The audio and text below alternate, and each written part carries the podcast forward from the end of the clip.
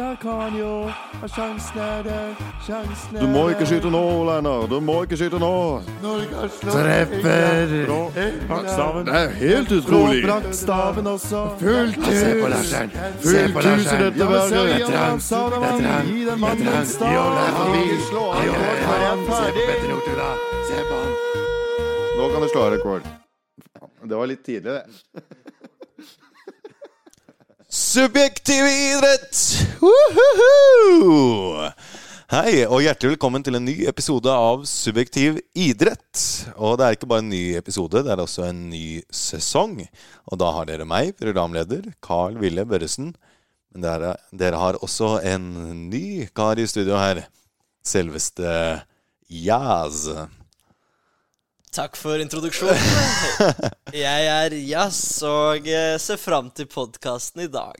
Ja, og eh, det går jo Har du noe annet navn enn Jazz. Jazz? Ja, men vi kan jo Du vil, du vil, holde, du vil holde identiteten din uh, hemmelig? Ja, kan Ja. gjøre det. men hvis man søker opp eller hører på stemmen min, de som sikkert hører på dette, så skjønner Ja, man kanskje man- hvem denne mystiske figuren er. Ja, hvis man, kjenner, hvis man kjenner deg, så man veldig, kjenner man det nok veldig lett igjen. Eh, men velkommen til podkasten. Takk, takk. Eh, det er jo eh, Vi stiller alltid spørsmål til nye eh, gjester. Har du noen tilknytning til idrett? Har du bedrevet idrett? Har du sett på idrett tidligere? Ja, jeg eh, spilte jo fotball ganske seriøst til jeg var 18-19 år. Og eh, så endret jeg helt eh, Hva skal man si? vei til det å plutselig interessere meg for det å uttrykke meg kreativt. Og begynte da med skuespill. Og senere dabla litt i standup-verdenen, og nå driver jeg med noe helt andre greier. Så veldig mye forskjellig kreativt. Ja. For eh, bedriver du noen annen idrett nå? Eh, Man kan jo si at dette JAS-navnet har Ja. jo en grunn, og det er jo fordi jeg har lyst til å gå inn i verdenen profesjonell wrestling, som er ganske stort i utlandet. Ikke så stort Ja. i Norge. Og eh, det at det er stort i utlandet, gjorde at jeg ville satse der framfor Norge. Selv om Norge også har en wrestlingscene, selvfølgelig. Jeg skal ikke si noe negativt om den. Men Nei. Eh, hovedsa i hovedsak utlandet jeg villig til, da. Ja. Nei, det er jo fantastisk. Det kan du uh, fortelle mer om. Jeg tenkte at vi kunne gå gjennom hva vi skal gjennom i denne episoden. Ja. Vi skal jo gjennom uh, spalten Er det sport? Så skal vi gå gjennom uh, overgangsvinduet i fotballmarkedet. Og så skal vi ta en liten kikk innom fotball-VM for kvinner, som startet i dag med et skikkelig smell. Eh, for New Zealand, i hvert fall. Eh, eh, vi skal snakke litt om Wimbledon-turneringen, som ble spilt for, Noen dager for siden. noen dager siden.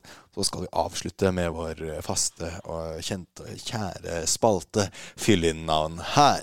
Det blir gøy. Så yes, da bare fest setebeltene og sett deg inn i Formel 1-bilen. Og kjør slik som uh, Mika Hakkinen. Nei, nei, nei. Det, Nei, det er Hakkinen. yes. Uh, ja. Og dere lyttere, sett dere ned og nyt. Skal vi se her. Oi. Uh, her finner man ut at Der! Sånn går det når man jeg har glemt å sjekke om man hadde satt på lyden på jinglebordet før man begynner. Men ja, da skal vi jo til den eh, ikke så kjente, men likevel kjære spalten. Er det sport? Og er det sport? Jas. hvis vi tenker wrestling Ja. Det er jo hovedsak fokus på showaspektet. Det å skape reaksjoner hos publikum. Ja. Så det er jo det man søker. Eh, bekreftelsen fra publikum. Og da er det jo en historie. Mm. Det er det gode mot det onde, eller alt imellom. Og publikum bestemmer helt hvem de vil heie på. Ekstremt kult kreativt, men det er jo også et veldig svært eh, fysisk aspekt med det. Det er jo det som gjør jo at eh, Hva skal man si? Fanbasen hovedsak er liksom Det er jo litt sånn Det skal være litt grumsete og litt skittent. Hva skal man si? Folk som liker smerte, vil jo se, eh, naturligvis gå den veien. Og jeg skal ikke lyve. Det er jo Jeg har jo trent eh, en liten stund nå. Det er jo veldig fysisk krevende. Mm.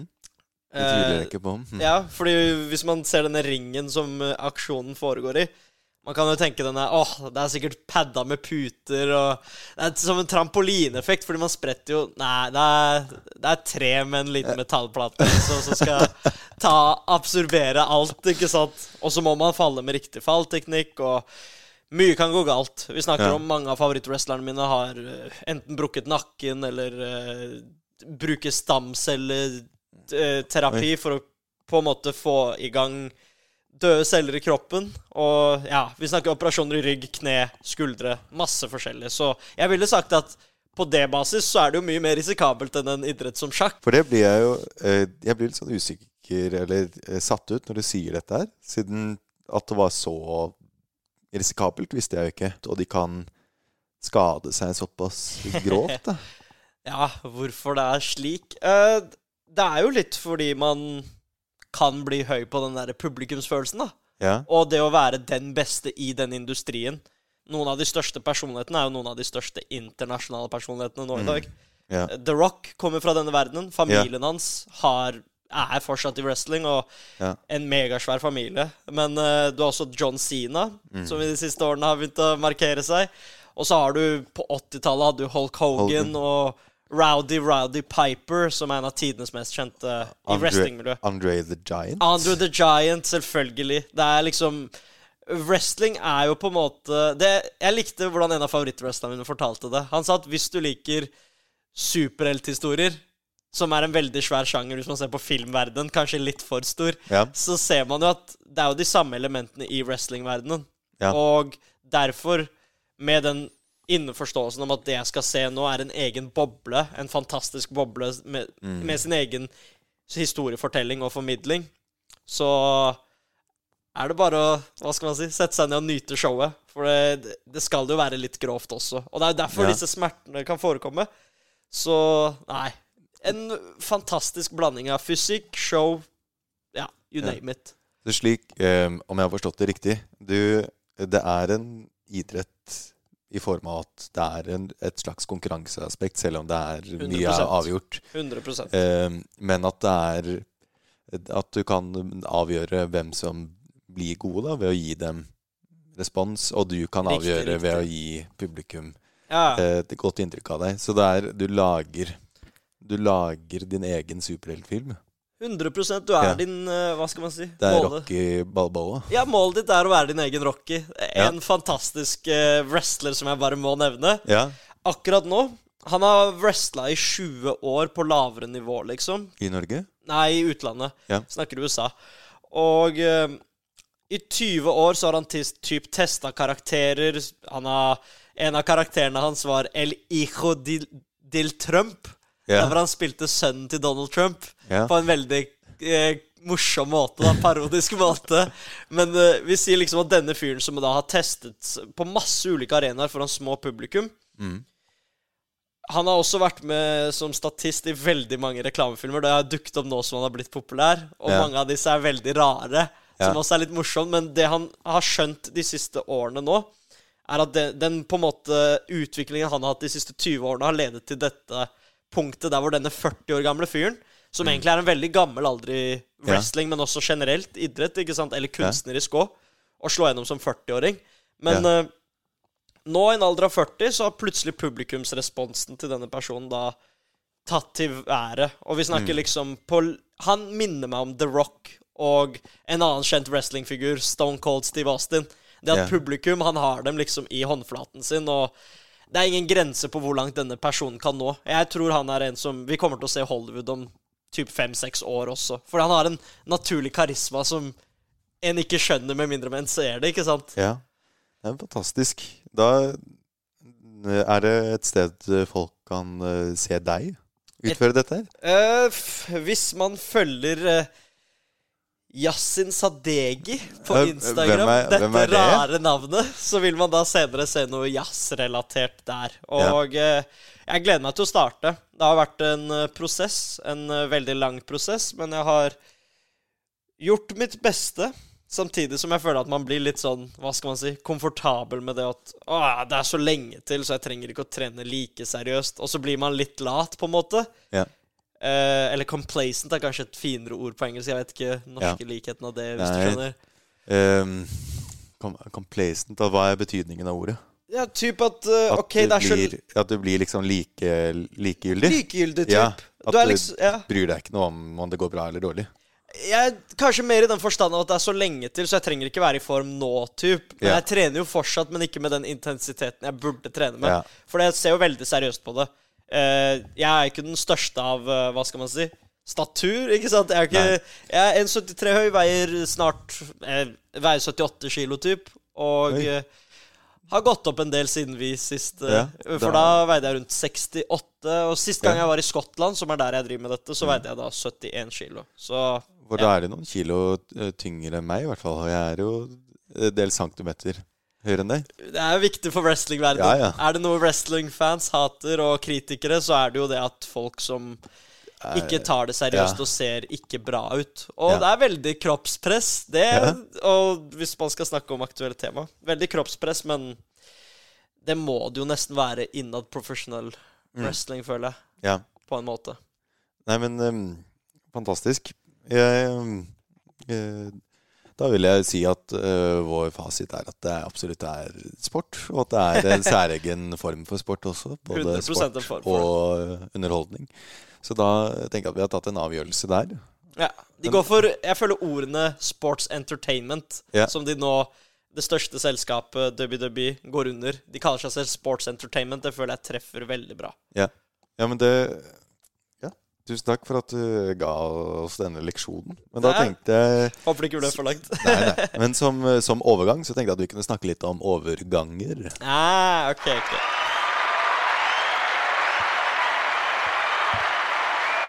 Woohoo! Eh, yes. Uh, overgangsvindu. Du er jo fast til, tilhenger av fotball. Ja, Og dessverre. ja. jo, men du har jo nytt litt. For hvilket lag er det du heier på mest i hele verden? Det er jo fotballstorheten fra Milano, ikke Inter Milan. Vi snakker AC Milan. Ai, ai. Og det er jo eh, Dere har jo opplevd eh, utrolig fremgang nå i det siste. Altså, dere har jo Serie A-tittel fra 22. 22. Riktig.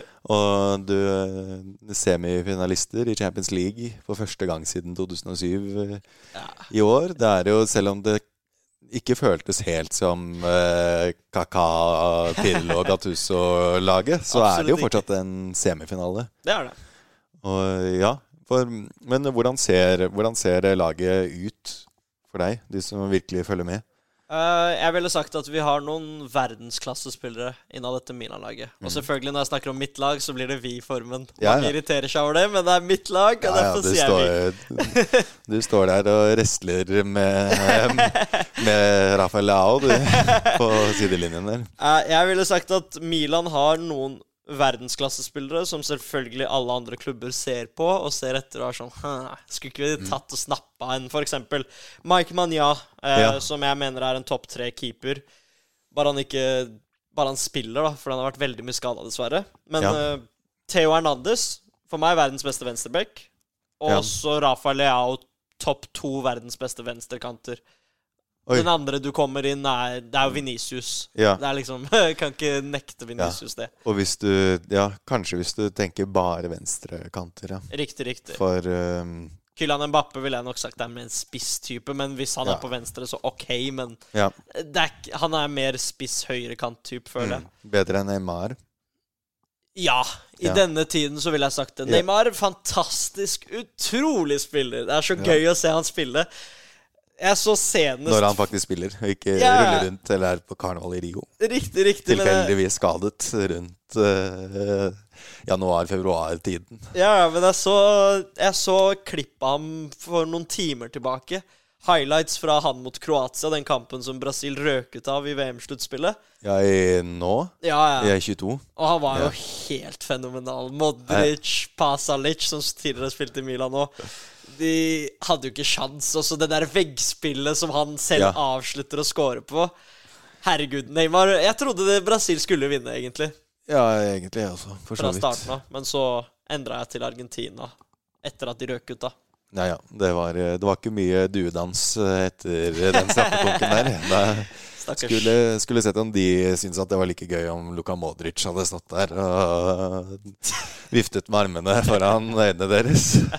Litt hyklerske føler jeg de, de er, men um, er dans er jo en del av kulturen, da. det, er, det er det absolutt. Man må også tåle, tåle å bli litt harselert med. 100% Tror du ikke de hadde eh, tatt det som eh, vennlig eh, Vennskapelig satire om André Schirle hadde gjort det på 7-0 eh, i Belo Horizonte der i 2014 heller, Det er sant. i den semifinalen. Men, eh, nei, men det, er jo, det er jo en del eh, overganger som har skjedd. Det er blant annet eh, en eh, Milan-overgang. Ja, den måtte komme. Det, altså jeg, jeg har jo sansen for uh, AS Milan. Jeg var i Milano i sommer. og Fantastisk by og fantastisk sted. Eh, nydelige drakter, nydelig historie. Men, eh, men ja, det Jeg vet ikke helt. Hadde du byttet Mi- Milano for eh, Nord-England og eh, et helt nytt slott? Nord-Italia for Nord-England. Eh, ja, overgangen er jo selvfølgelig Sandro Tonali til Newcastle, som eh, Vi kan jo dra det litt tilbake til at siste kampen for serien Ja. Milan har allerede sikra Champions League topp fire-plassering pga. at Juventus fikk denne fortjente poengstraffen, som de lenge har unngått, men endelig så er det sånn Vekk med dere. Og da har du denne avslutningen til Zlatan. Ja. Hvor det ikke er ventet egentlig at han skal legge opp. Det er ventet at han skal Det si en sant, takk til Milan-fansen. Mm. Og så Jeg som nå nylig har eh, uppa opp Duolingo-gamet mitt, begynner jo å skjønne meg på når italienere, eller folk som prøver å snakke italiensk, skal si, snakke det. Og Zlatan Zlatan står jo der og sier plutselig at han ikke sier adjø til Eller at dette er et adjø til fotballen, men ikke et adjø til dere, altså Milan-fansen. Og da begynte jo tårene å renne, og jeg skjønte at å, herregud, jeg er vitne til at Zlatan legger opp.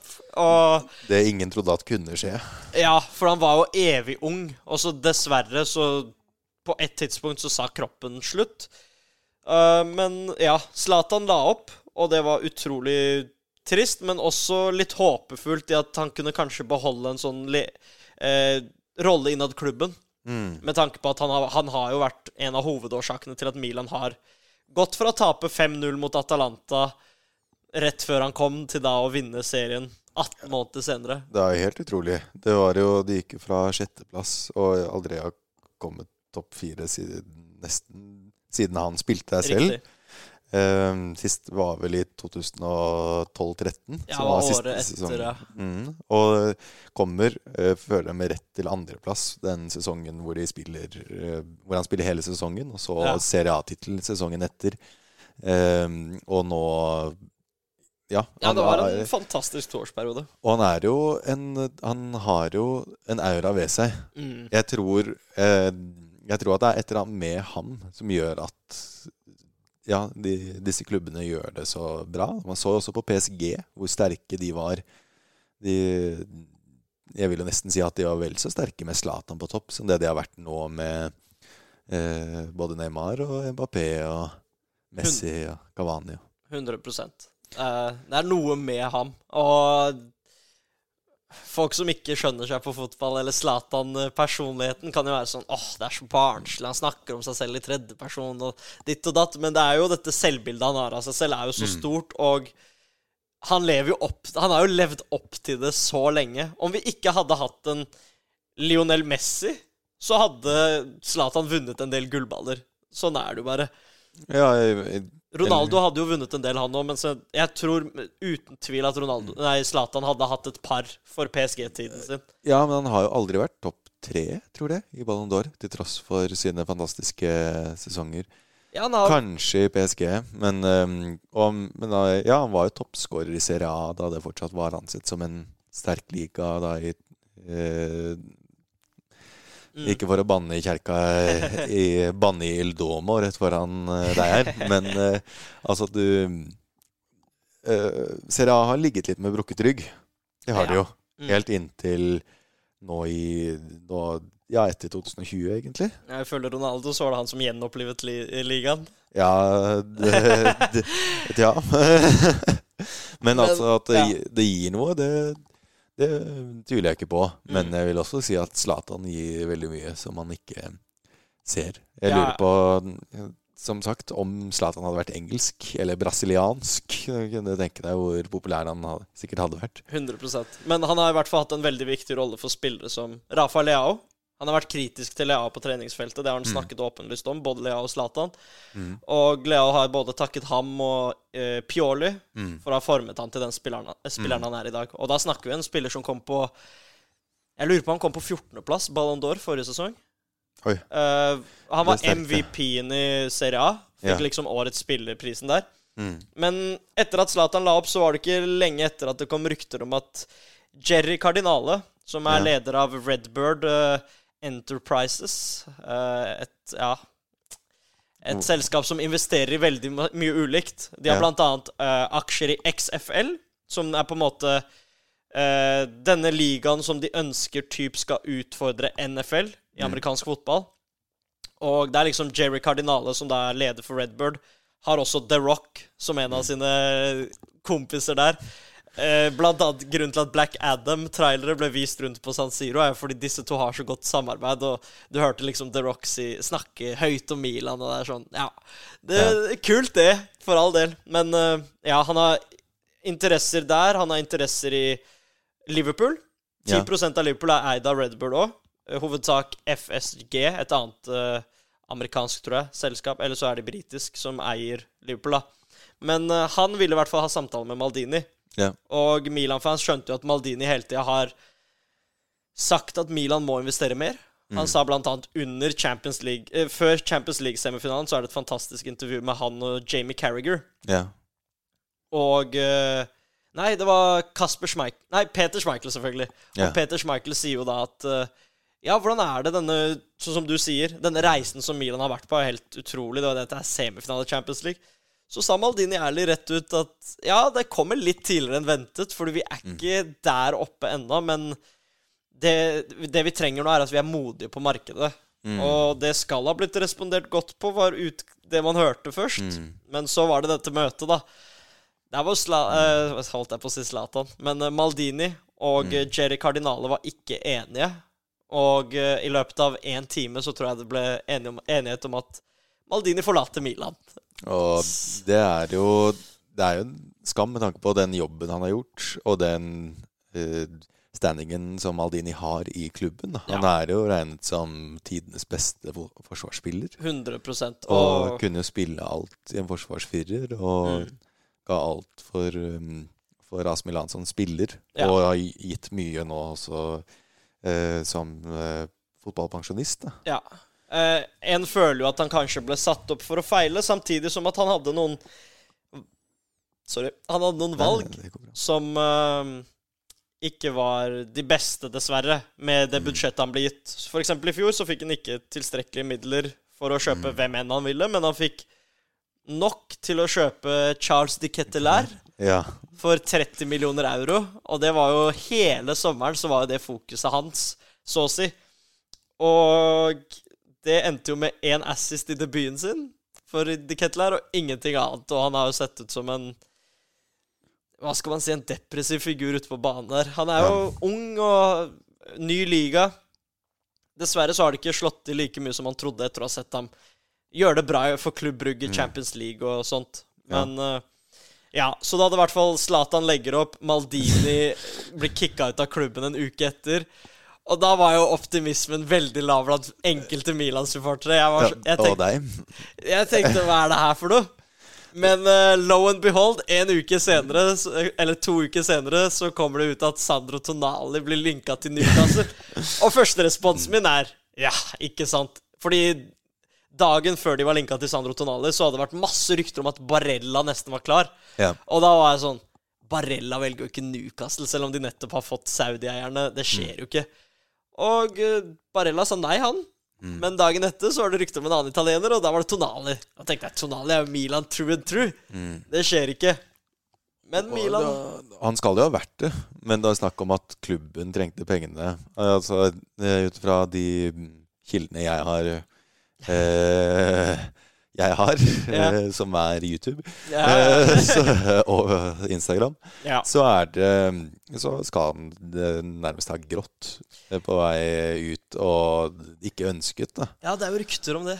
Ja, men Nei, jeg vet ikke. Han skal også ha vært negat eh, litt sånn halvfurtete. Og jeg kan jo forstå det. Altså, det er jo ikke noe hyggelig Ja. måte, når du er Ja, elsker en klubb og måtte eh, dra. 100% Han elsker jo Milan ordentlig. Han har jo vært fan av dem siden han var liten. Og denne, dette Mm. avskjedsbrevet der hvor han basically viste dette Han hadde jo en ønskeliste da han var sånn ni år, typ ni år gammel. Der hvor han Ja. skrev sånn til uh, jul så ønsker jeg meg en Milan-trøye og PlayStation 3. Og så Mm. liksom det at de stjeler dette barnet da, i voksen alder Bare sånn Ja, stikk, vi får penger for deg. Uvisst om det var 60-70 millioner euro. Det er i hvert fall en ordentlig gevinst for Milan, som da også fikk Champions League-semifinale, som vi vet. Og topp fire, som da betyr ny Champions League-spill til høsten nå.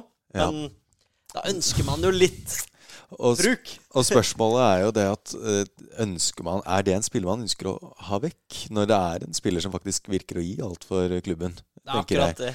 Og han virker å Ja, eh, var han med på å vinne serien? 100% Han var med på å vinne serien. En av de som Mm. steppa opp mest fra sesongen før. Ja, fordi Og, ja. Jeg husker at han var i Brescia, eh, slik som Pirlo. Og ja, har han blitt noen Pirlo? Han har vel lang, langt, mørkt hår. Ja, de ble sammenligna litt ufair, egentlig. Fordi han er mye mer Han har selv sagt at favorittspilleren hans i Milan var Gattusso. Ja, Og han er mer en Gattusso som er litt mer spillende med ballen i beina. mm. Han er vel litt god i alt, er han ikke det? Ja.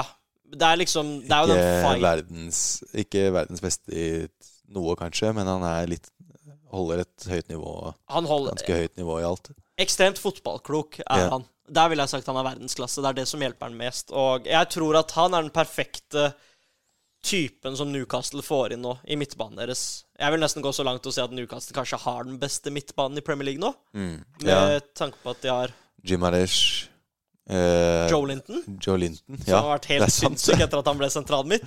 Ja. Og da Tonali. Hvis de skjønner seg på hverandre Herregud, da snakker vi lett topp fire, tror jeg. I hvert fall med de offensive kvalitetene som Isak Harvey Barnes er jo snart klar for dem òg. Ja, og um, er, det ikke, er det ikke en eller annen spiss som har blitt lenket til dem?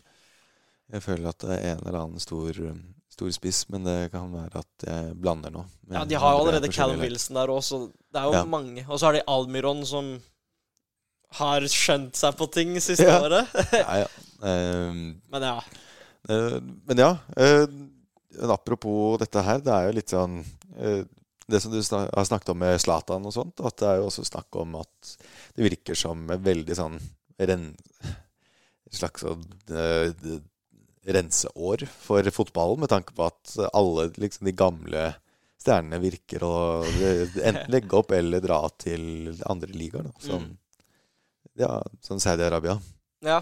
Det er jo The Big Bad Wolf, hva skal Ja. man si. Det er jo, de, de har jo tatt over fotballen. Ja, og det er jo helt utrolig. Jeg husker jo at Kina var litt sånn på skulle ta over fotballen, men da var det jo Da var det jo stort sett litt sånn halvdårlige spillere som de kjøpte, og så kom de tilbake igjen. Nå er det jo altså Det er eh, Ruben Neves og Sergej Belenkovic-Savic som har blitt Mm. lenket til Barcelona, til eh, eh, Ja, han var veldig nær. Milan nå.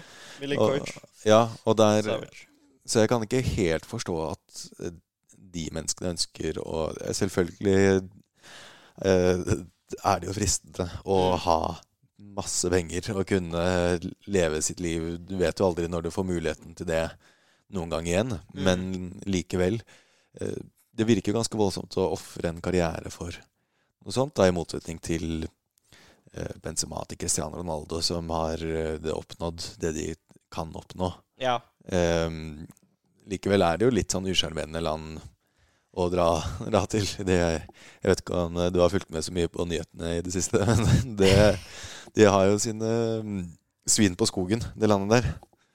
Ja, jeg det, Det er jo Ja, selvfølgelig. Det er jo mye diskusjoner når plutselig alle spillere flokker til Saudi-Arabia som det er en krise i Europa, liksom, rent Ja. kvalitetsmessig. Men uh, Det er jo pengene. Ja. Vi sier liksom Saudi har jo kjøpt uh, De kjøpte FN. ja. De kjøpte Golf. uh, PGA-tårn. FN, altså FN. Selve Formel 1 oh, ja. er Jeg, trodde- eid av Saudi. jeg jeg, trodde du sa FN, altså Forente nasjoner. Ah, ikke FN. Om, om de ville, så tror jeg de kunne kjøpt opp FN også. Åh. Nei, men altså, det er jo folk som har sagt det at Norge Norge har vel mer formue enn Saudi-Arabia. Så hvis Norge virkelig hadde villet, så kunne de jo Få brukt det oljefondet for en gangs skyld! ja, ja. liksom eh, blåst litt i denne helsetjenesten og bare fått litt penger inn i Vålerenga. Fått Oi. Cristiano Ronaldo. Nei, Vålerenga har jo han derre Fredriksen. Han er jo bare Jo. Jo, man ser jo hvordan det har gått. insane gjerrig type. Herregud, bruk litt Bruk noen millioner på å være litt sånn karrieremodus-kar, da. Ja, ja. Få inn eh, Få inn en avdanka legende som Peeves hadde elska. En Ben Arfa for the streets. Ja. Få, få inn eh, Hvem andre er det vi kunne fått inn til Vålerenga? Hvem Fordi- da? Det skal sies jeg digger Vålerenga sitt nye prosjekt med at de satser veldig, veldig ungt. Ja, ja det, er, det er kult. Og det er jo på en måte inspirert av Bodø-Glimt, som har tatt over hele Fotball-Norge. Så jeg føler at Vålerenga i løpet av de tre-fire neste årene da vil kunne høste inn disse fruktene. Men hvis vi skal leke fantasy-karer nå kjøpe inn spillere, så kunne vi jo Hvem, eh, hvem er det som er ledig? Det er vel ikke så mange akkurat nå. Hvem er free transfers? Hvis jeg går inn på Zlatan. Har ikke sikkert vært god nok til å bare stå på topp der og nikke inn noen baller? Jeg vil ikke føle meg Nostradamus med å spå framtiden, men en liten del av meg føler Zlatan kanskje har litt lyst til å dra til Saudi. Ja, Og det ville jo vært en massiv signering. ja men nå er han jo lagt opp. Jeg tror nok ikke han eh, Han har lagt opp, men det kan Men Vålerenga derimot, det er jo Det er nesten hjemlandet Ja, her har vi free agents, vet du. Hvem er det Ja, herregud. Han som topper lista, er jo en Ja. som har vært linket til Milan kjempelenge. Maldini var enig med ham, men etter at Maldini ble kicka ut det, det er ikke Paolo Maldini selv. Nei, nei. Da har denne overgangen på en måte vært død. Det som Ja. er litt trist, er at denne karen har sagt nei til Dortmund, Atletico Madrid, og nå venter jo Milan bare Folk venter jo bare på at han skal bestemme seg. Kamada. Daichi Kamada Ja. fra Japan, Frankfurt. eh, den japanske. Riktig. Ja. Så han er jo bare fri på markedet nå. Det er veldig rart, fordi i Italia så er det jo EU-plasser. Der Ja. hvor eh, hver klubb kan kun signere to spillere som ikke er, i er i EU. Og Milan brukte jo en på Loftus Cheek. Ja. Det hjelper jo at Jerry Cardinale, eieren, er veldig god kompis med Todd Burley, som eier Chelsea. ja. Så vi har jo henta både Og Pulisic også. Pulisic og Cheek, og vi har Tomori og Giroud og Vi er jo hva, Ja. ja. hva scenen i AC Milan står for, det kan man jo diskutere. Men ja, David De Hea, få ham til Vålerenga. Han Ja. er ferdig United. ja. Skal ikke se bort fra at altså, det skal ikke det, det krever ikke veldig mye kvalitet for å gjøre det bedre enn de keeperne som har stått i Vålerenga nå i det siste, i hvert fall. Ja, for hvis det er ett sted det norske landslaget dessverre sliter, så er det jo keeperplass. Ja, ja. Og man trenger ikke noe spillende keeper der. For um, jo, for apropos det også, det har jo vært uh, Jeg så jo på landskamp. Mm. Norge-Skottland.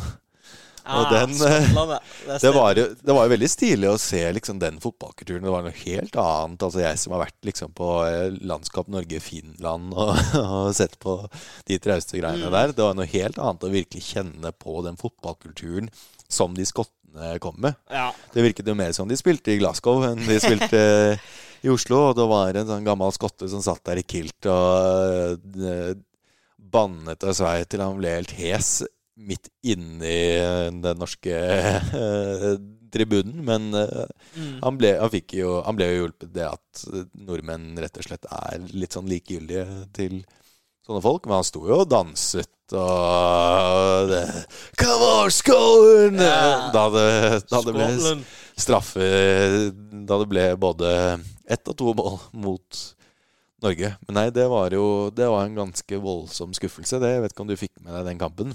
Men Jeg- Gjorde det. Så den hjemme. eh, ja. Det var Selv da Norge leda, så Det er noe som skurrer med dette Nei, laget. Det var ikke, det var ikke Brasil i 1998 som holdt på det. Det er i så fall Brasil mot Norge i Ja, ja, 98. ja, De skottene tok på seg rollen som Norge der, men det Ja. ja, men det var helt sinnssyke kamp Ja, men jeg, jeg, jeg måtte bare si eh, gratulerer med kampen til han der skotten der. Siden jeg skjønte at dette er, det er ikke vits å bli sur engang. Siden det var helt, helt plankekjøring. Og det var Altså, Skottland det var ikke, det var ikke sånn voldsomt sterkt, men det er det å bytte ut Haaland når det er seks minutter igjen Det er liksom sånn Du spiller mot Kypros neste kamp. Eh, jeg, jeg kan ikke helt forstå det. Og det var jo det var jo de siste byttene som endret på liksom spillsystemet. Og det er det at man ut At man tok ut liksom raske vinger for, eh, for sentrale midtbanespillere. At det var litt sånn Da vi endelig hadde fått inn et mål, og man kunne kontre um, Får ut Patrick Berg, som kanskje er den beste sentrale midtbanespilleren i det å kontrollere spillet, og så bare Ja, sender deg ut, og så får vi inn en eller annen forsvarsspiller eller noe, tror jeg. Nei, Jeg det var, engang. det var i hvert fall noe drit som kom på, i hvert fall. Og så er det jo Alexander uh, Sørloth som uh, Ja, du er ikke så glad i ham, er du? Det er, bare det, det er bare det at han alltid har gjort det dårlig jeg har sett på. Og vi, broren min og jeg kjøpte ham i Fifa-karriere på Haugesund på Fifa 14. Og han var ikke så veldig god der, så det var var litt bitter. Det var, bit, det var bitterhet. Nei, men uh, Ja, jeg er- husker den kampen. Ja. Nei, det, mm, for uh, apropos eh, det at Norge mislykkes når det gjelder, så tenkte jeg at vi kunne snakke om noe som har vært, nemlig fotball-VM for kvinner. For, og, Ja, Det starta jo i går, men det har vært kanskje for norske ja, ja. Nei, allerede. Jeg var jo litt sånn Vet du hva, nå skal jeg virkelig liksom Siden Mm. da, jeg, da jeg virkelig så på fotball-VM for kvinner, så var det jo eh, morsomt. Og EM og sånt der var eh, yngre. Så jo på da de kom til finalen da i 2013, og syntes jo det var gøy. Så jeg tenkte sånn Kanskje jeg bare skal sette meg ordentlig inn i det, at det blir ordentlig gøy og for denne podkasten hers eh, skyld. Og så gikk det jo én kamp, og det virker som om Norge er Norge på en fotballbane uansett hvem det er som spiller. At det skal, det skal være traust og dritkjedelig og tap når det virkelig gjelder. Jeg ville nok sagt at jeg er mer optimistisk for herrenes sjanse framover enn damene. Og det er veldig rart Ja. med tanke på at damene har jo noen utrolig store profiler. Ada Ja. Egeberg, eh, Caroline Hansen. Graham Hansen, ja. Og Reit, eh, Reiten. spiller i Chelsea, gjør han ikke? Ja, og Ja. har jo voldsomme kvaliteter. Altså Jeg gjorde min fotballresearch eh, gjennom å se på Fifa-stats, som jeg gjør både med kvinnefotball og med herrefotball også. Det er ikke så mye jeg rekker å få C. Og var litt sånn Herregud, dette laget her er jo bra. Ja. Maren Mjelde er vel også med? Ja, hvis ikke hun har lagt opp. Jeg vet ikke. Har, ja. Hva er ja. det hun spiller? Wing? Jeg trodde hun var Midtbanespiller? Forsvaret. Forsvar? Det kan godt være. Nå viser vi hvor vi vet. Maren Mjelde tror jeg var forsvarsspiller. Jeg tror jeg blander med en, eh, med en annen, men um, Nå er vi basically som Solbakken her, med Ja. sølet på høyrekanten. ja, ja, ja. Men dette er eh, Ja, det er subjektiv idrett. Vi liksom, det er ingen Det er eh, Ja, vi går eh, Jeg går litt i surr, og det er ikke det er ikke så mye jeg rekker å følge med heller på de kampene. Så da blir, da blir det litt sånn at man ikke henger helt med på de forskjellige navnene. Ja. Men da i New Zealand de, har jo, de hadde jo aldri vunnet en fotballkamp i fotball-VM for kvinner. Riktig. Heller ikke for menn heller, vil jeg tro. Ja, det skal mye til. um, jeg vet ikke om de har spilt eller jo. De spilte vel VM i 2010, og de tapte vel ikke en eneste kamp, men de vant vel ingen heller. Ja, det var da de fikk uavgjort. mot de, ja, Italia også Ja. var i den gruppa. Italia havnet sist i en gruppe med Riktig. Paraguay og New Zealand og det som er og var. Ja.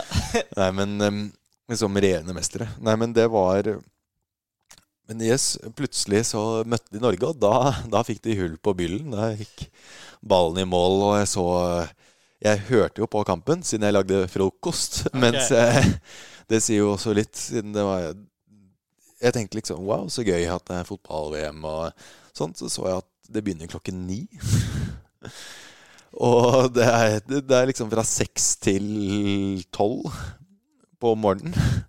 Og jeg vet ikke, det er liksom Når det er langrenn, så går det bra. Men det er fotball jeg føler at det skal være på ettermiddagen og kvelden. Det er veldig rart å se på fotball på morgenen. Jeg vet Ja. ikke hva du tenker der. Jeg mener Det var jo veldig mange tanker før Qatar-VM. Av Ja. grunner. Ja. Men hvordan VM der var satt opp med tidene Ja. Altså, jeg elsker VM. Sånn. Hvordan VM er satt opp sånn tidsmessig. fra da- ett ett til uh, 22, cirka. Riktig, riktig. For jeg tror, jeg tror ikke det er spesifikt for Qatar-VM engang. Jeg mener Nei, at det det er vært sånn alle. alltid. Men det var det at Det som også var rart, var det at det Men de starter var ikke for tidlig. Nei.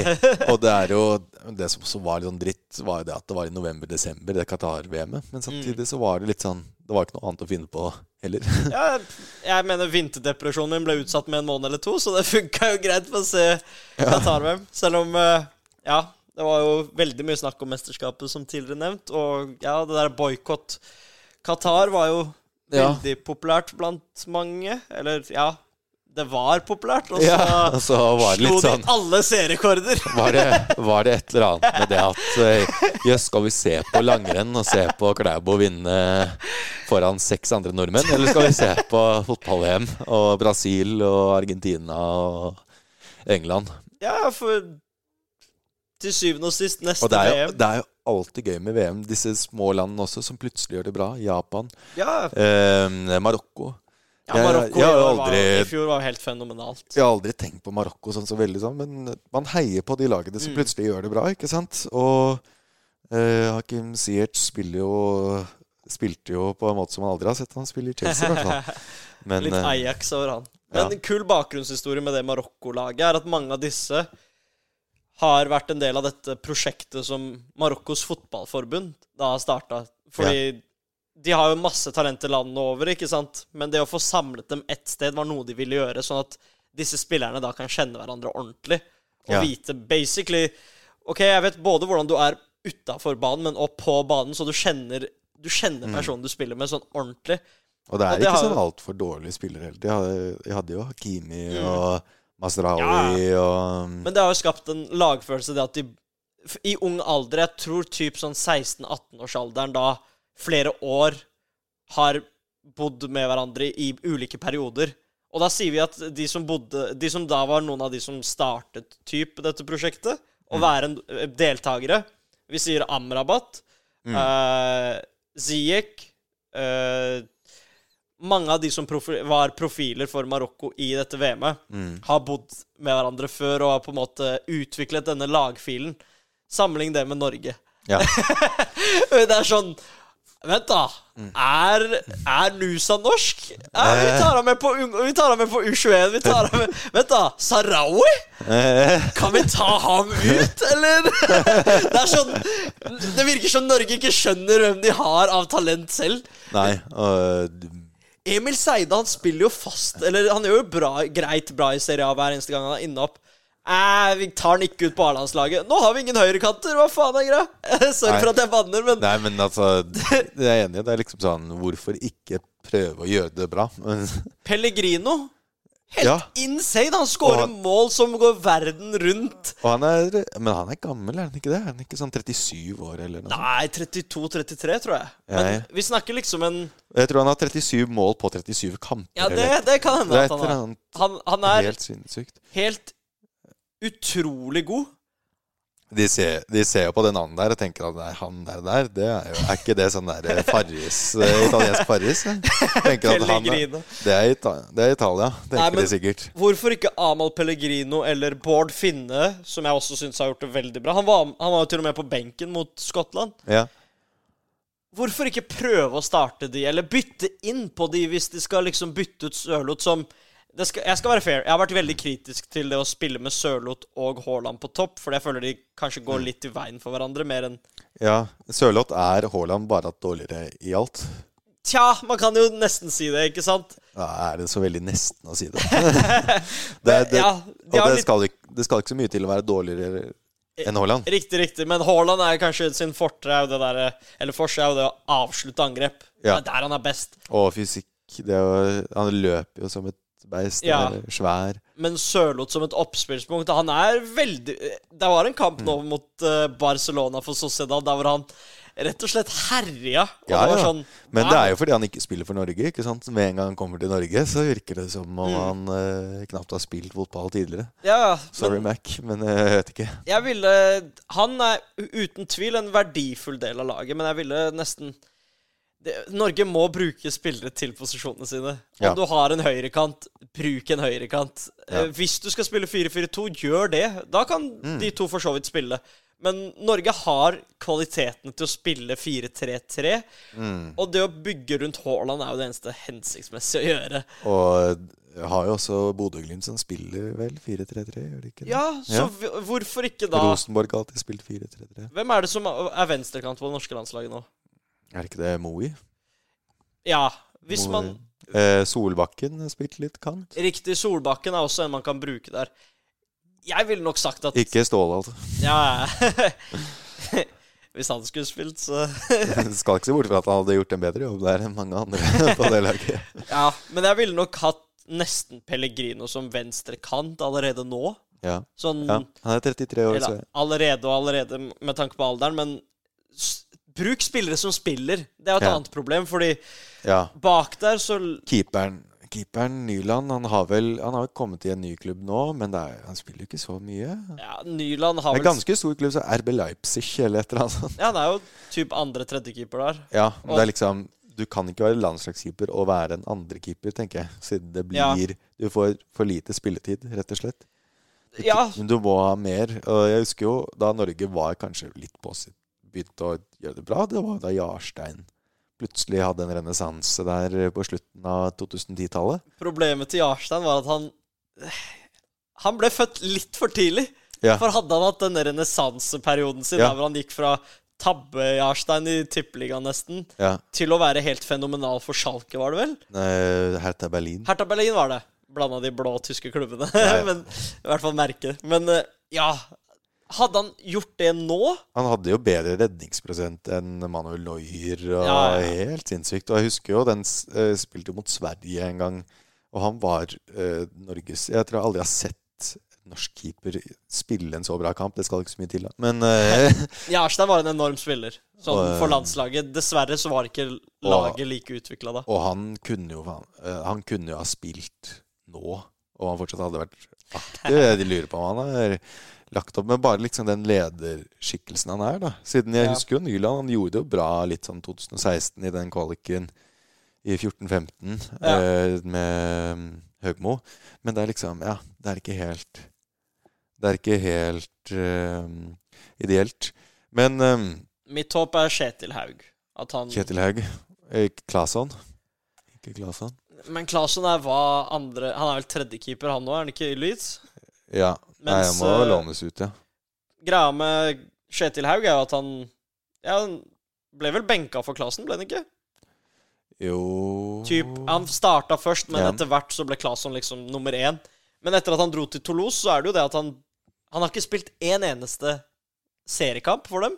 Nei. Men han hadde i avtalen sin at han skulle spille hver eneste cupkamp. Ja. Og da er det jo utrolig gøy at det laget som vant den franske cupen, det var ikke PSG, det var ikke Lyon, det var ikke Marseille eller Monaco. Det var Toulouse, Med ham? med Kjetil Haug i mål. Oi. Og da sier man jo plutselig her har vi en norsk keeper som er med på å vinne. Hvor gammel er han? 25. Ja, det er jo ideell alder. Det Ja, er ja. helt sinnssykt. Jeg har ikke hørt om ham før. Ikke så god med ballen i beina, men god nok til å vinne den franske cupen. Norge trenger ikke Norge trenger bare spillere som kan Jeg føler at det er et luksusproblem, liksom. Dette Ja. med keep, keepere. At man Det samme spiller også. Du trenger liksom ikke Altså Trent Alexander Arnold er en fantastisk høyrebekk hvis laget fungerer. Hvis Ja. laget ikke fungerer, så trenger man eh, litt eh, mer defensive kvaliteter. Andre nå, kvaliteter. nå har han jo funnet rollen sin veldig Det, det er jo det som er så fascinerende med fotballen, ikke sant? Plutselig så trenger ikke bekkene være gode defensivt lenger, fordi hvis Nei. bekkene er spillmessig gode, sånn med ballen i beina Mm. Sinchenko i Arsenal i fjor Ok, han er Offensiv midtbanespiller, egentlig. Han er jo veldig i Når de da har ball, så er han jo en av de to sentralt som kontrollerer spillet. Og det er jo Det hadde vært uhørt for en back til, liksom, hvis det hadde gått noen år tilbake. Men jeg var veldig inspirert av det Guardiola gjør, selvfølgelig. Arteta Mm. har jo plukket opp et par ting der. Det er ingen som drømmer om å bli en Gary Neville, sa Jamie Carragher. Og det var jo sant. Så, altså, den type back var det nok svært få som ønsket å, For- å være. For Trent, uten å tulle Tidenes beste Premier League-høyreback, mener jeg. Oi. Ja, han, jeg tror han hadde vært veldig god som kantspiller om han hadde vært ti år. Om han hadde vært Ja. ti år eh, 10-20 år eldre, så tror jeg han hadde gjort altså, Som en gigs-type, liksom?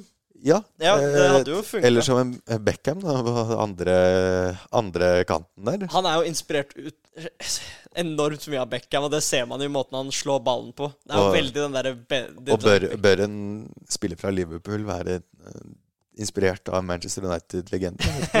Eh, Han var England-legende også. Uh, ja, men denne renessansen som vi snakket om, som Gjerstad hadde Du har jo sett etter at Klopp gikk lei å tape så mange Resten. Men da Jarstein. Ja, ja. Men etter at Klopp tapte så mye med Liverpool, det var Ja. en periode det gikk ordentlig trått, Ja. så var det bare sånn eh, Hva er det som funker for Arsenal? Vi møter jo Arsenal. Ja. OK, i oppspillsfasen så bruker de eh, Zinchenko som en midtbanespiller. Trent er jo så dårlig defensivt. Hvorfor ikke prøve ham som sentral midt? Bam! Med Ja. en gang første kampen, assist, og siden Ja, han, det er nettopp det. det er, han er egentlig ment den ideelle spilleren til å ikke spille høyreback. Egentlig han kan spille nesten veld, veldig mye annet, vil jeg tro, med Ja. de kvalitetene han har. Men i den, Og, ja. i den oppbyggende fasen som nå, så føler jeg at Trent er perfekt der hvor han er indreløper, og så går han ned som back og får hjelp, Mm. da. For det må han jo. Og se på, se på også Guardiola, som har endret sin, eh, eh, sitt syn på fotballen. Plutselig bare sånn Nå skal jeg ha fem stoppere Ja. i laget. Uh, og, Bekker finnes ikke lenger. Cancelo, vekk med deg! Nei, nei, men det, men jeg er jo enig. Jeg tror det er sunt at hvis en spiller ikke ønsker å være der, så får man dem vekk. Siden Ja. det, er, det er bedre å ha spillere som ønsker å gjøre det bra, men som er litt dårligere, enn gode spillere som ikke ønsker å være en del av, av det laget. Men det var jo litt rart, siden han hadde fått drakt nummer syv den sesongen, og, og så plutselig bare Du ønsker ikke å være her, da Ja. låner vi deg ut. Han var jo fast også, før han plutselig ikke var det. Var regnet det som verdens beste både venstre- og høyrebekk. eh, Theo Hernandez har et eh, ord på venstrebekken, men jeg er enig i at Det kommer fra AC Milan-fansen. Nei, nei, nei, men jeg er enig i at på starten av sesongen så var det jo helt enormt hvordan alle rava over hvor god Cancelo var. Ja. Det var sånn Å, se på disse pasningene han spiller. Han er jo helt sinnssyk. Dette er, vi har aldri sett maken til en som kan spille venstreback og høyreback så bra. Og så fast forward seks måneder, så er det sånn Jeg hadde ikke bruk for han. Ja. Det er jo det at han Han skal jo ha klaga på at han ikke spilte plutselig én kamp eller noe. Ja. Og da var Guardiola sånn OK, men Ja. trenger ikke dette. Og Guardiola er kjent for å være røff med spillere. Joe Hart kan jo Ja. Stakkars eh, Det, det, Han hadde test på det. det var jo Kunne en like så godt ha spilt uten keeper, med tanke på hvordan han Bravo spilte, han erstatteren. Ja, ja. Han slapp jo inn Jeg tror han reddet ett skudd de første kamp, eh, 16 kampene han spilte. Men han kunne spille med ballen i beina. Ja. Det, viktigste. det, det, det kunne Vincent Company også ha gjort med keeperhansker. Om, det om det var det han Guardiola ønsket. Men Guardiola, tidenes beste manager òg. Ja, jeg tenker jo det, siden det er liksom sånn Ja, folk sier det, ja, men han har de beste lagene. Ja, det er en grunn til det. Han er jo en visjonær. Ja, ja. Eh, Ja, han er en visjonær med veldig mye penger, men samtidig spillende keepere. Mm. ja, ja. Eh, Fram til jeg var 18-19, så tenkte jeg keepere må bare redde ballen, liksom. Men så Ja, ja. plutselig så er det sånn Se på uh, De Gea, en som sikkert hadde hatt en veldig mye bedre karriere om han hadde vært 10-20 år eldre. Ja. 100 Eh, eh, han hadde jo en fantastisk karriere, men så var det etter 2018 Så var det litt sånn Ja, vi trenger keepere som skal spille. Ja. For nå er det sånn eh, Hva skal man si? De beste keeperne. Hvem er det man ville sa Noyer er jo ish i Mm. sjiktet der. Eh, du har uh, Manja i Milan. Ja, og det var du som fikk meg til å åpne øynene for Manja, men det er jo sant. Altså, han vant, altså, vant jo ligaen med ikke PSG, som er Det er det eneste gangen man kan kalle vinnerliga en prestasjon. Riktig, riktig. Um, det var jo for um, Lill. Riktig. En av de beste overgangsavgjørelsene Maldini Ja. og Moncada han er, en, han er en nøkkelfigur i Milan nå. Fordi etter at Maldini nå fikk fyken, så har jo denne Må jo være landslagskeeper på Frankrike nå også. Ja, han er det Juris, nå. Eh. Men etter at Maldini fikk fyken, så har Moncada fått mer roll, større rolle i klubben. Og Moncada er jo ikke et ukjent navn for de som virkelig vet om overgangsvinduet. Fordi Moncada var tidligere sjefsspeider for Monaco.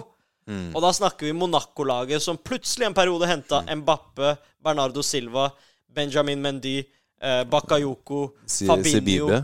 eh, Fabinho Sidibe.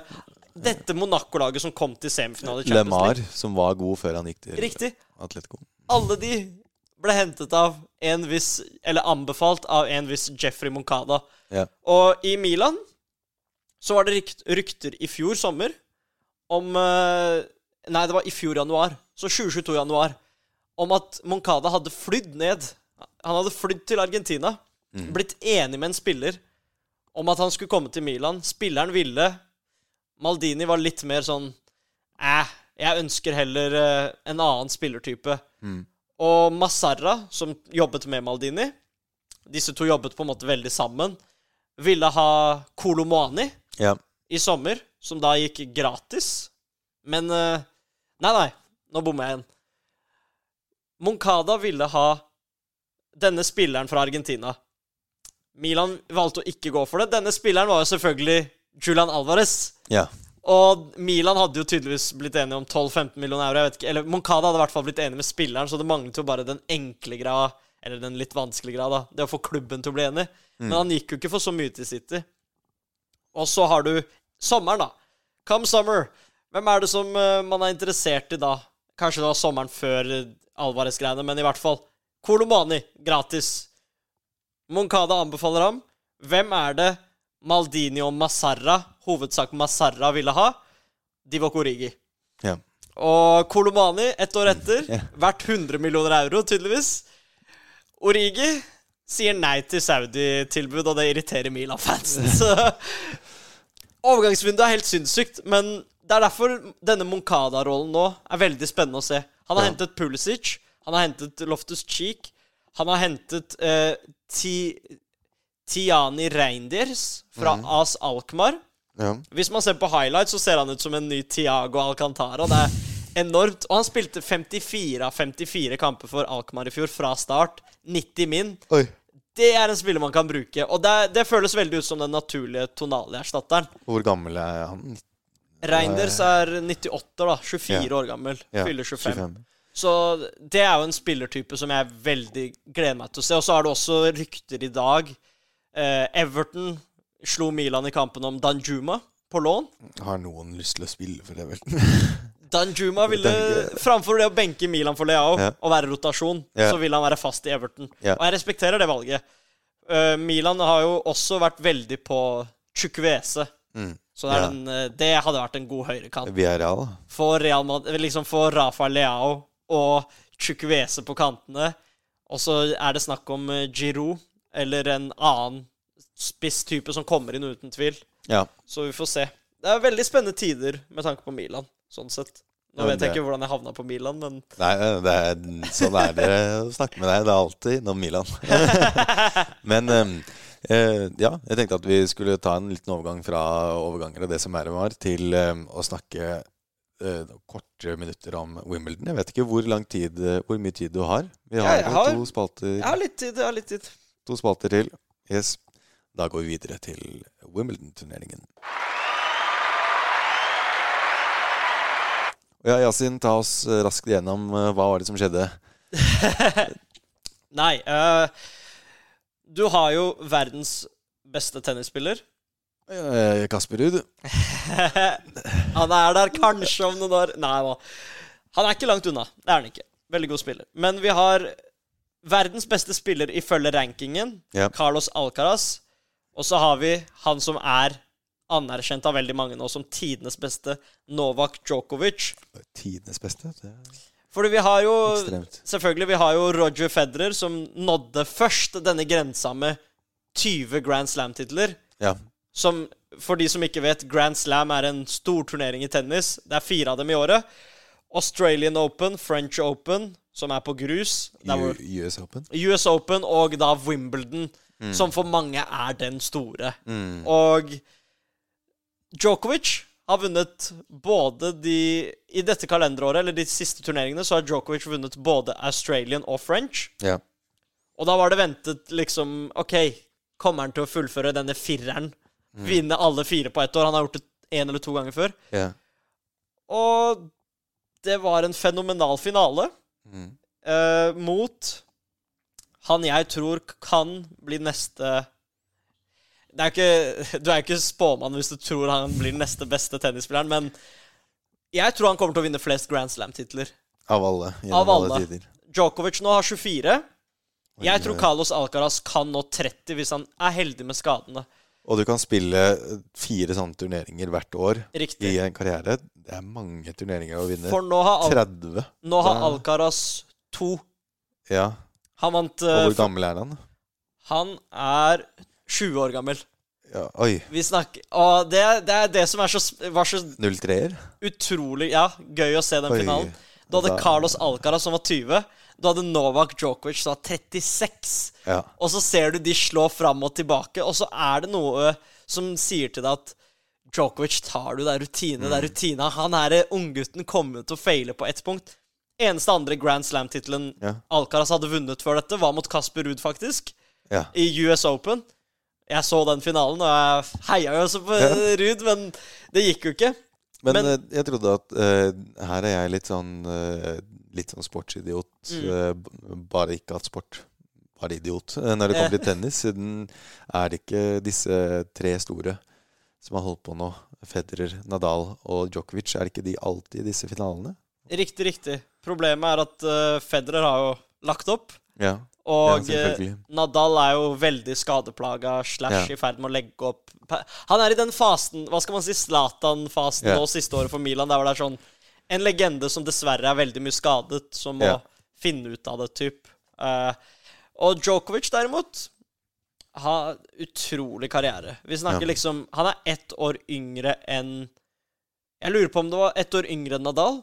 Men det tok ham mye lenger å komme inn i denne primen, fordi Mm. det var alltid Federer mot Nadal. Det var duellen.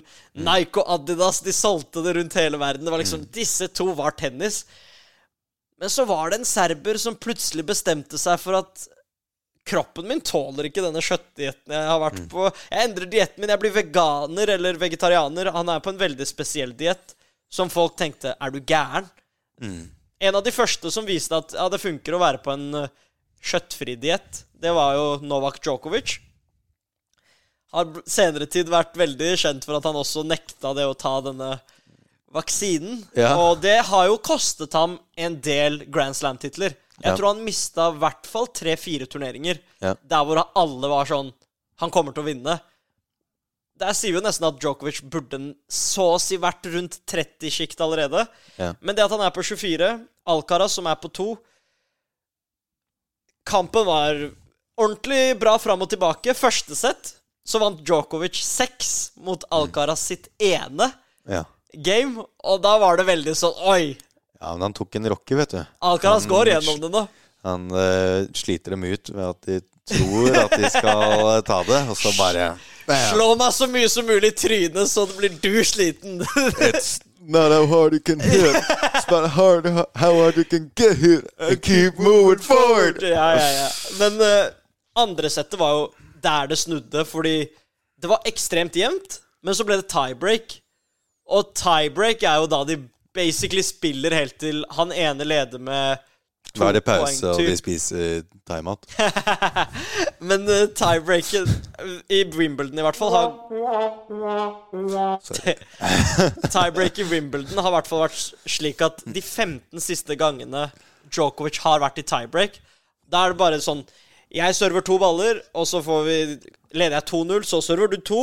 Så går man helt til den ene leder typ med to poeng, ikke sant? Mm. Jeg tror man må nå en viss grense, fordi det gir jo null mening hvis det er 2-0, og da vinner jeg tiebreaket. Det er mer sånn opp imot 12-13. Du må komme opp i en del poeng, ikke sant, før det er sånn Han som leder med to, han vinner tiebreaket. Og Djokovic har vunnet sine 15 siste tiebreaks i Wimbledon før den finalen. Og da han tapte det tiebreaket, så var alle sånn Oi! Og det er noe fascinerende med å se rikinger. Fordi hvis man ser på tilskuerne i Wimbledon-finalen, det er jo ikke hvem som helst. Det er jo de rikeste av de rike. Vi snakker James Bond, vi snakker Emma Watson. eh, det er Daniel Craig, Emma Watson. Det er eh, Ariana Grande. Det er eh, Andrew Garfield. Det er de kuleste. Det er eliten av kjendiser som befinner seg her. Jeg lurer på, er det liksom sånn Er det sånn at kjendiser bare tenker sånn Oi, dette er et stort idrettsarrangement. La meg kjøpe billett dit. Selvfølgelig er det litt det, men det er også veldig interessant hvordan Wimbledon på en måte Det er jo veldig kjendisfest. Mm. Men det er noe fascinerende med å se hvordan Det har en tiltrekningskraft. De skjønner at Wimbledon er en classy type turnering. Ja, Mm. de feirer monarkiet litt vel mye, det, det syns jeg, men det er jo den store Det er jo Champions League for tennisspillere. Ja, ja. Og da er det jo utrolig gøy og stas å se liksom alle være der. Ja, ja. Og Men- det var Andy Murray. Det, det er også en, har, en av få som har klart å vinne, annet enn disse Nadal, Federer, Riktig, Djokovic. riktig. Ja, veldig kul fyr. Han har dessverre hatt veldig mye skadeproblemer de siste årene. Men Vant sommer-OL i 2012 mm, på Wimbledon. Og da lurer jeg på om han slo Djokovic, tror jeg. Ja. Jeg tror det er det eneste Djokovic ikke har vunnet, er en OL-tittel. Mm. Fordi de settene så er det tre sett, Mm. mens han er vant Han er mester på fem, ikke sant? Jeg tror det er en eller annen ting der. Og så hadde du et år der hvor han vant alle Grand Slam-titlene og ville ha OL. Og så røk han ut i semifinalen mot Medvedev, som er en av de andre gode profilene. Men ja, riktig. De, Får de lov til å delta? Det, det var kanskje før, før Ukraina? De får lov til å delta, men de må gjøre det under et sånt spesielt eh, Det derre flagget. Ja. Sånn der um, nøytralt flagg. Ja, sånn hvitt internasjonal komitéflagg. Ja. Men vi vet jo at han er russer. det er ikke noe Nei, jeg husker Jeg synes husker Jeg bare sett én sånn Wimbledon uh, en gang. Det var jo morsomt. da Det var jo Djokovic mot Federer i 2019. Åh, Da husker jeg Tidenes kamp. Selv om, selv om det er liksom litt classy, og at det ikke At det er litt sånn gentleman-sport, da husker jeg det at da Djokovic fikk poeng, så var det litt sånn 100 Da Federer fikk poeng, så var det liksom! Ja. Og folk liksom sto og det det hoppet si- på bordene. Ikke sant? Det er det jeg skulle si var så gøy, for det er ett øyeblikk i denne Alcaraz-Djokovic-kampen der hvor hvis Djokovic tar dette ene poenget, så har han på en måte slått serven til Alcaraz. Som da vil si at for hvert game, ikke sant, så er det annenhver person som server. Ja. Og hvis jeg tar poeng fra deg under din serve, Ja. da sliter du, for da må du ta en fra meg. Ja. Og ingen tar Djokovic sine typ, men Alcaraz greide jo det. Men det var ett øyeblikk der hvor Djokovic bare var ett slag unna å breake forbi Alcaraz sitt poeng, og da hadde han vunnet finalen. Ja. Det, liksom, det hadde vært så utrolig vanskelig for Alcaraz å komme tilbake, men Djokovic slår liksom Han presser Alcaraz nedi hjørnet. Alcaraz slår bare febrilsk liksom en sånn retur som går veldig høyt opp. Djokovic skal smashe ballen, og når den smasher i nettet hans, på hans side, og han ikke får dette avgjørende poenget Det var alle verdens rikinger der, men de oppførte seg som Crystal Palace-fans i det 90. minutt på Selhurst Park. er noe av det rareste jeg har sett. Og hvis du hører den responsen når den ballen treffer nettet, og Djokovic er i sjokk, og Alcaraz feirer fordi han skjønner at nå vinner jeg dette poenget den der responsen fra alle som var der Dette er rikinger som ikke liker å lage lyd, egentlig. Men Djokovic, han er hva skal man si, Michael Jordan og Ronaldo. Han er denne typen folk liker å hate på. Ja. Og det, han har jo på en måte vist ulike tegn til publikum før når ting ikke går deres vei. At 'Å, skal dere grine nå?' Så han elsker å tirre publikum. Ja, ja. Og dette publikummet, de hata ham. og man trenger jo noen som Det er jo gøy å ha noen å mislike, så lenge det ikke blir eh, liksom stygt, liksom. Ja, for det var jo ja, Han fikk jo en bot også, for den ene racketen hans Han klinka Ja. den i hjel og måtte betale 8000 dollar. Jeg regner med at han som fikk 1 million dollar bare ved å tape finalen, sipper veldig mye over det, sikkert. Men ja, utrolig gøy hvordan publikum hater Djokovic. Men samtidig så Det er jo å hate på en sånn sportlig måte, Fordi Ja. etterpå så intervjuer de jo ham, og publikum ler jo med alt han sier. Ja. Men eh, nei, det er veldig gøy med en sånn type. For Federer og Nadal, det var jo lenge Å, vi er to kule karer. Ja. Det er liksom Jeg er den kjekke spanjol, og jeg er den kjekke sveitser, og vi skal finne ut hvem som er den Best. beste akkurat nå! Det var så skikkelig fin, kul, søt duell. Men så kommer denne serberen og liksom er sånn Jeg i dere to! Jeg er den beste spilleren! Og det er sånn Det er- Hvor kom det er du wrestling. fra? Ja, men det er, en, det er en storyline, og der kommer denne personlighetstypen som jeg digger. Han bare tok Jeg tror jeg nesten må roe ned, sånn at det ikke blir altfor høyt i øret til lytteren her. Ok, ok, Men han bare tok plassen sin.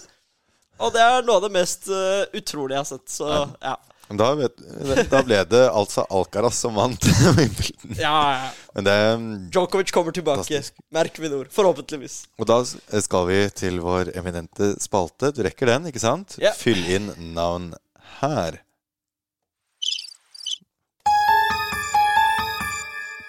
Her har det vært sommerferie. Her merker man at eh, jeg ikke husker helt hvilke knapper jeg skal trykke på på dette bordet. Men eh, likevel har jeg forstått det. Ehm, apropos det å forstå. Vet du, Har du hørt om eh, denne spalten tidligere? Vet du hva den går ut på? Ja. Det er jo for eh, dere lyttere som ikke husker, det er jo da at man skal gi eh, tre hint. Eh, hvis, du, hvis du klarer å gjette riktig eh, hvilken idrettsutøver det er snakk om etter tre hint, et, så får du ett poeng. Okay. Hvis du bare bruker to, så får du to. Hvis du, bruker, hvis du bare bruker ett, så får du tre poeng. Okay. Men eh, ja. Det, jeg tenkte at jeg kan gi, jeg kan gi deg eh, min først. Okay. Så får du sett litt hvordan det er. Ok, er du klar? Ja. Jeg debuterte i OL på Lillehammer i 1994 som 15-åring. Og gikk mitt siste mesterskap i 2017 som 38-åring. Mm. Trenger du et hint til? Ja, jeg vil det. Jeg har bedrevet to idretter, hvorav jeg var den mestvinnende i verdenscupen i den ene. Er jeg Ole Einar Bjørndalen? Det kunne det ha vært. Ok. Det, det er faktisk, det er faktisk eh, ikke langt unna. Det eneste er det at Ole Einar Bjørndalen var ikke 15 i Ja. Var eh, Ja, det var noe alderen fire, fire, fire år eldre. Ok. Uh, Halvard Halvold? Mm, nei, ikke, Nei, ikke mestvinnende. Herregud. Han var, ikke, han var god, men han var ikke mestvinnende. Mm, han, mest- han gikk til han var gammel, ja. Men han var yngre da han slo Han var eldre da han slo igjennom, og Ja. eldre da han la opp. Og han var ikke mestvinnende Fordi det var mestvinnende i verdenscupen. Ja. I den I én av idrettene. Hvilke verdenscuper er det vi har av langrenn? Langrenn Langrenn Nei, kan ikke være langrenn. Det er ikke skihopp. Mm. Du begynner å nærme deg, i hvert fall. Er det kombinert? Det kan det godt være. Er du klar for siste hint? Er det han og mannen din? OK, da fikk jeg to poeng. jeg tenkte Det er riktig. Det var jo siste hint. Det var jo Jeg har bare vunnet ett individuelt mesterskapsgull i 2007. Det er sjukt. Han var dette beistet. Ja, og han eh, gikk jo både eh, kombinert og langrenn. Han gikk jo langrenn for Finland i OL i 2002. Ja. Kom på åttendeplass på Såpass, sprinten. ja. OK. Jeg husker han bare slo Magnus Moan litt for mange ganger. Ja, ja, men det var jo Han hadde, tok verdenscupen sammenlagt fire år på rad. Mm. Og jeg husker jo det han gjorde jo kom Han la opp tre ganger. Gjorde comeback da to, og det siste var i ski-VM i Lahti 2017. Da hadde han Mm. ikke gått på, på seks år. Ja. Og 38 år. Og gjorde det faktisk ikke sånn altfor ille. Jeg husker det var Apropos uh, Crystal Palace Bands på Sellers Park, altså finnene i Lahti, da han kom uh, som et lokomotiv der mot uh, bronsemedaljen eh, Kombinert-stafetten da, der. Mm. Det endte dessverre ikke med noen medalje, men eh, det var likevel stilig og litt faretruende at han var så god i forhold til de andre finnene Ja. som 38-åring. Han begynte å jobbe for Finnair året før. Så det sier jo litt om eh, hvor brukket rygg Finns kombinert hadde da. Men nå er jeg klar for din eh, eh, Ja, så du Ja, for jeg har lagd tre.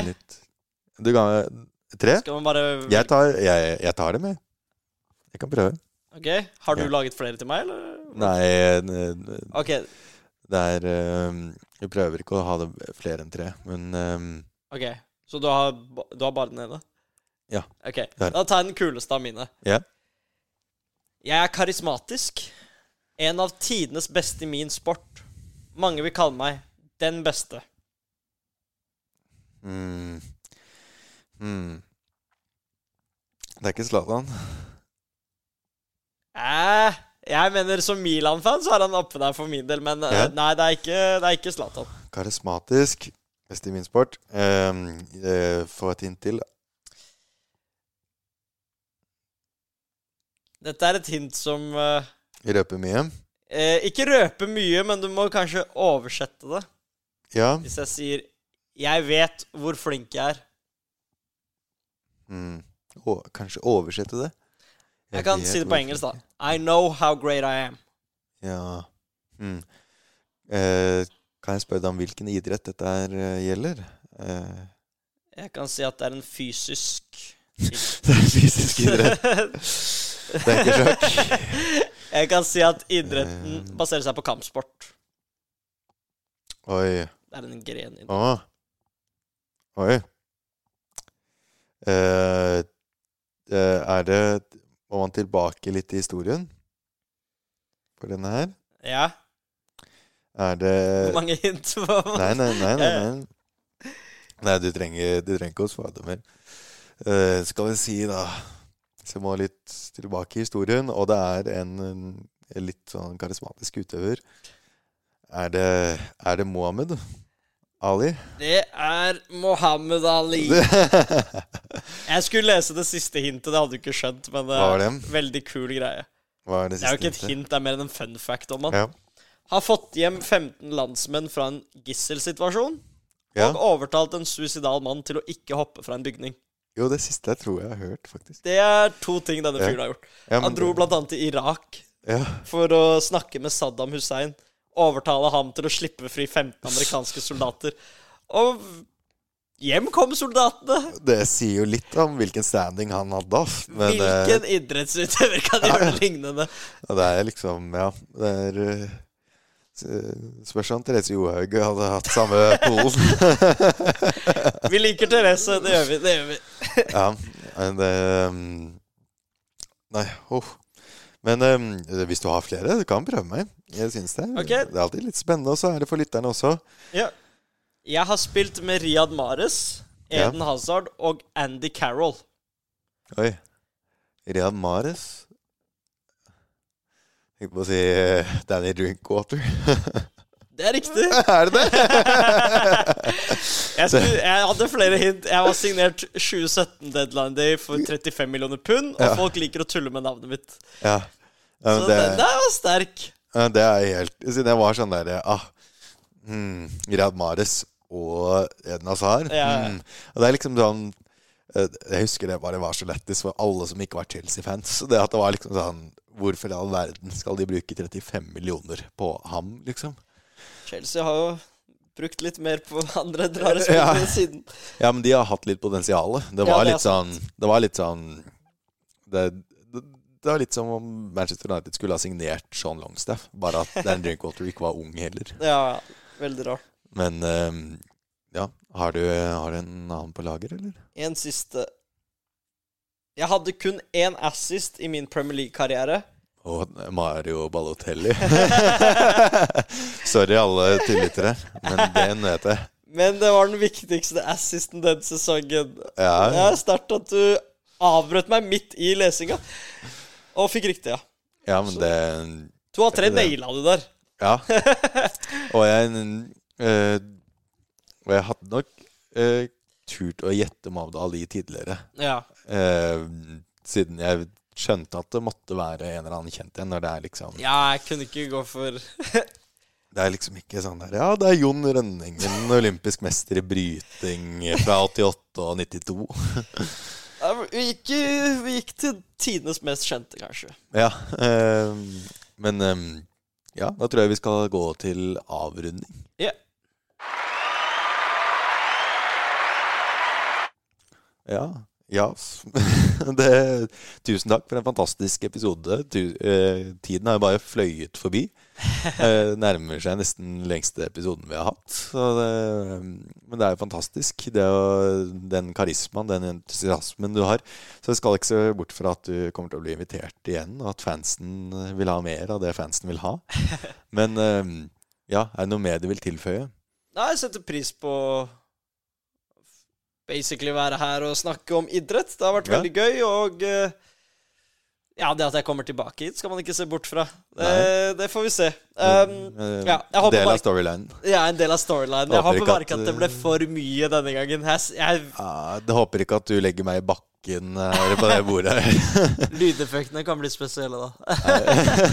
Men eh, nei, det har vært veldig gøy, og så håper jeg bare ikke at det har blitt litt for lange Nei, nei, det tror jeg, nei, det tror jeg ikke. Det er jo um, Men jo, apropos en ting jeg ville tilføye. Det har jo vært litt sånn uh, Cristiano mot Messi-rivaleri øh, nå igjen, på grunn av at det er så mange store spillere som har dratt til Saudi på grunn av Cristiano, ifølge Cristiano selv. Ja, han, er, han er i en fase nå. Men jeg så også at eh, apropos eh, Milan, så er det jo Inter Miami. De, jo, de er litt upopulære pga. at de, Inter ikke liker at jeg bruker navnet Inter. Ja. Men eh, jeg så i går, eller i dag morges, at Inter Miami nå har flere Instagram-følgere etter at de signerte Messi, enn det hele Inter Milan har. Ja, Og det er jo, det er jo Polo, da. Sisteplassen i MLS sendt til verdens beste fotballspiller. Da får du mer følgere enn et lag som kom til finalen i Champions League. Og har vunnet Champions League tre ganger i karrieren. Det tredje mest vinnende laget i hele Italia. Et av de mest Mm. eh, kjente lagene i historien. Ja, men det viser jo at status er alt. Ja. Og det der Ronaldo-greiene kan han eh, dra langt åkeren med. Det er jo selvfølgelig pengene. Ja, Pengene rår jo der. Men eh, Det kan godt være at, det, at folk var litt sånn Ja, hvis Cristiano Ronaldo er her, så drar jeg dit. Men jeg tror nok jeg tror nok det var litt, uh, litt peng. Ja. Jeg tror ikke de hadde dratt dit om det ikke hadde vært peng. Riktig, riktig.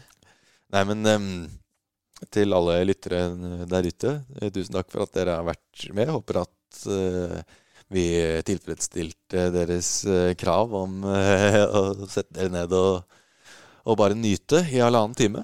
Så ja, tusen takk. Vi høres igjen nå eh, til en ny sesong. Som kommer gjennom hele sesongen, tro det eller ei. Tusen takk, og tusen takk for oss.